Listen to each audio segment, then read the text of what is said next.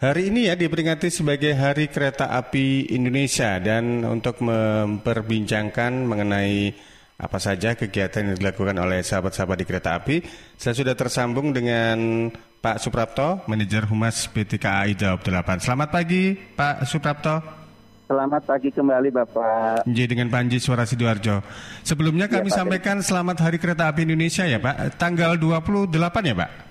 Betul, terima kasih atas ucapannya. Perlu kami informasikan bahwa hari ini uh, kereta api berulang tahun yang ke-75 yang jatuh tepat pada hari ini 28 September 2020 Pak. Iya, ada kegiatan apa saja Pak yang dilakukan oleh sahabat-sahabat di kereta api ini Pak?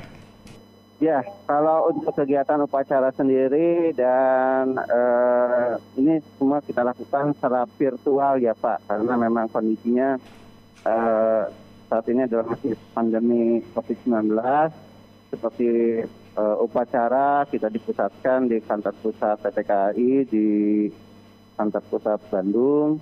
Uh, lalu juga diikuti oleh teman-teman di daerah tentunya dengan uh, virtual ya. Bisa di Facebook bisa di YouTube atau juga lewat aplikasi Zoom. Selanjutnya uh, hari ini kita dari pihak PPKI 28 Surabaya sebagai ucapan terima kasih kita kepada masyarakat dan para pelanggan, kita hari ini membagikan uh, pernak-pernik Pak. Isinya paketnya ada uh, hand sanitizer, tisu basah, dan masker ya. Uh, total ada 500 paket yang kita bagikan kepada para penumpang di sekitar stasiun Gubeng. Selanjutnya juga kita juga memberikan uh, balon dan pernak-pernik menariknya untuk para penumpang kecil lainnya, Pak. Iya, jadi untuk pembagian pernak-pernik itu hanya di stasiun kereta api di Gubeng ya, Pak Prapta ya? Ya, kalau untuk uh, kita sebar, Pak ya, kita sebar untuk pernak-perniknya. Uh, namun yang paling banyak adalah di stasiun Gubeng.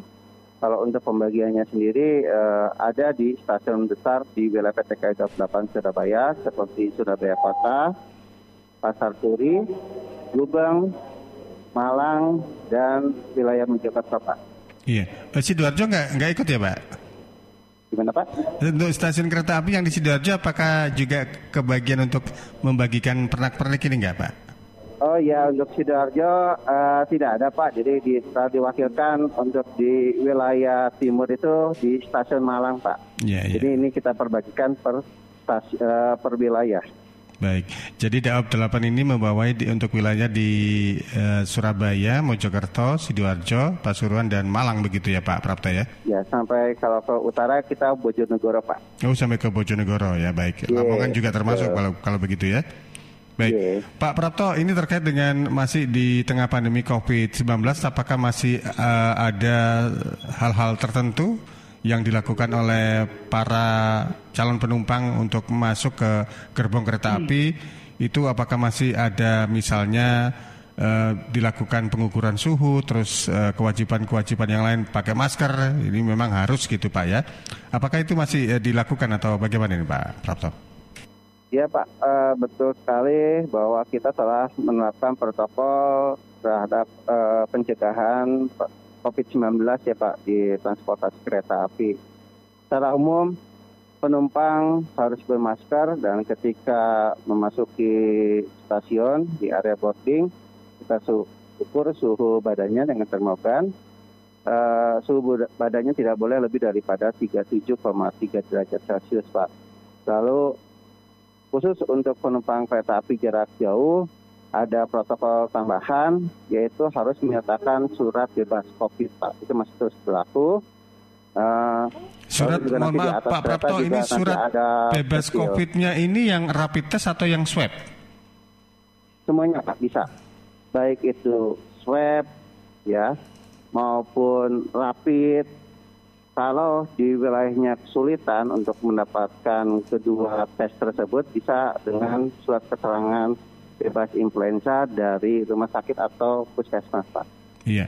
Jadi hasil tes swab atau rap, rapid test itu tidak ada masalah ya kalau untuk perjalanan jarak jauh ya. Contohnya ke mana ini Pak? Ke Jakarta? Ya, eh, contohnya ke arah Jember ya, lalu ke arah Banyuwangi, Solo, Jogja, dan kalau Jakarta pasti ya jarak jauh.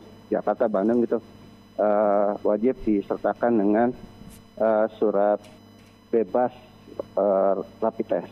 Iya, misalnya kalau kalau tidak membawa surat tersebut, apakah di stasiun begitu ada menyediakan untuk uh, rapid test atau harus uh, bawa rapid test sendiri mau tidak mau, Pak?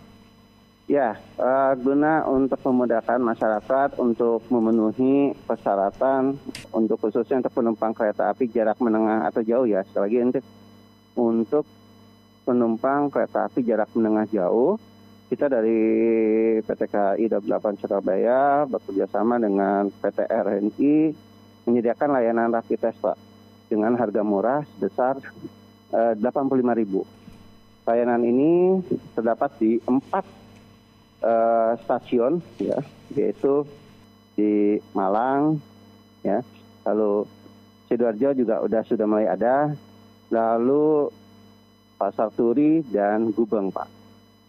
Baik, jadi untuk mereka yang hasil uh, tesnya reaktif tidak diperkenankan untuk naik begitu ya Pak Prapto ya?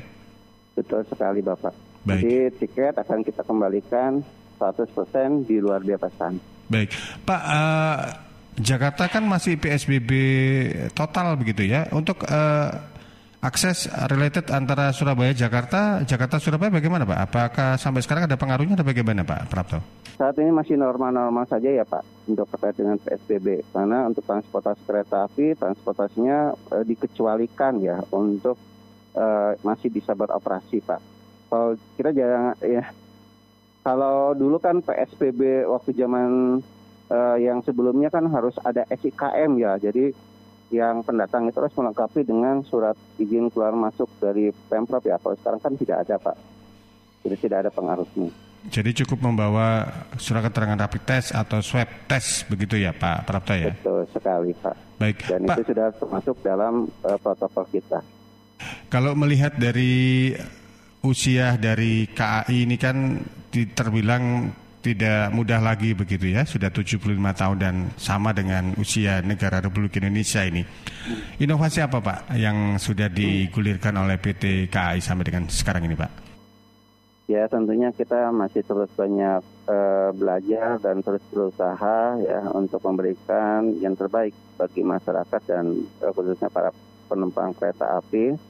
Tentunya kalau untuk uh, inovasi sendiri bisa kita lihat ya Pak. Kalau dulu kan kereta api zamannya jubel-jubelan, untel-untelan ya sampai di atas atap pun ada ya.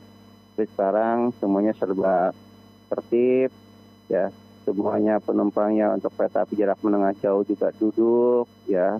Lalu untuk masa pandemi ini kita juga antisipasi physical distancingnya di atas kereta maupun di stasiun ya. Jadi kita batasi juga okupansinya sekarang ini okupansinya untuk kereta api 70% dari ketersediaan tempat duduk. Gitu, Pak. Itu untuk ya, hitungannya satu gerbong 70% begitu Pak ya dari total Betul. kapasitas yang ada. Tempat duduk ya. Tempat, tempat duduk ya. duduknya. ya. Tapi ya, sudah ada tanda-tanda begitu Pak ya? Gimana? Uh, biasanya ada tanda-tanda silang merah atau apa ini yang boleh diduduki, ini yang boleh yang tidak boleh diduduki begitu. Jadi kalau untuk di stasiun itu ada tandanya, tanda silang. Kalau untuk di atas kereta itu untuk kereta api jarak menengah jauh itu by sistem komputer Pak. Jadi tiketnya sudah uh, sesuai dengan surat edaran nomor 14 tahun 2020 dari Dirjen Perkeretaapian. Sudah ditentukan untuk formasi tempat duduknya juga. Iya, Pak ini sekedar merefresh ingatan kita untuk layanan jenis kereta api untuk uh, tiket penumpang ini uh, terbagi dalam berapa kelas sih Pak? Ya, untuk uh, tiket sendiri ini kalau untuk jenis keretanya dibagi dua ya Pak. Ada KA lokal atau KA perkotaan, lalu ada antar kota atau kota sering disebut kereta api jarak menengah atau jauh. Selanjutnya untuk kereta api jarak menengah atau jauh juga terbagi-bagi lagi. Ada yang KA komersial, ada yang KA subsidi. Untuk KA komersial juga terbagi lagi menjadi tiga sub yaitu yang eksekutif, bisnis, ekonomi, dan sekarang layanan terbaru adalah kereta uh, gerbong kereta luxury ya atau sleeper. Jadi penumpang bisa tidur uh, di kereta tersebut. Jadi hampir posisinya uh, bisa tiduran di situ. selanjutnya kalau untuk subsidi yaitu uh, saat ini masih berada di gerbong kereta ekonomi. Iya, iya. Berarti untuk yang luxury itu yang di Surabaya sudah ada ya Pak ya? Ya, untuk luxury sudah ada. Itu yang jarak juga sudah ada. menengah jauh itu atau? Kita tempelkan. Gimana Pak? Jarak menengah jauh atau bagaimana Pak? Uh, jarak jauh ya, karena uh, ini dibutuhkan untuk para penumpang yang ingin istirahat. Koridornya adalah Malang Surabaya, lalu Surabaya Jakarta dan Surabaya Bandung. Baik, wah ini luar biasa ini. Jadi uh, istilahnya perjalanan tidak terasa karena ada fasilitas yang bisa dikatakan luxury di kereta api atau gerbong tersebut begitu Pak Prapto ya? Iya betul Bapak. Baik, Pak terakhir harapannya untuk uh, masyarakat ini terkait dengan Hari Kereta Api Indonesia pada peringatannya di tanggal 28 September yang ke-75 untuk tahun ini Pak. Ya, uh, sebelumnya sekali lagi kami ucapkan terima kasih atas kepercayaan masyarakat menggunakan jasa layanan transportasi kereta api. Uh, juga kami berharap kepada masyarakat yang ingin menggunakan jasa transportasi jangan takut untuk menggunakan jasa layanan transportasi kereta api.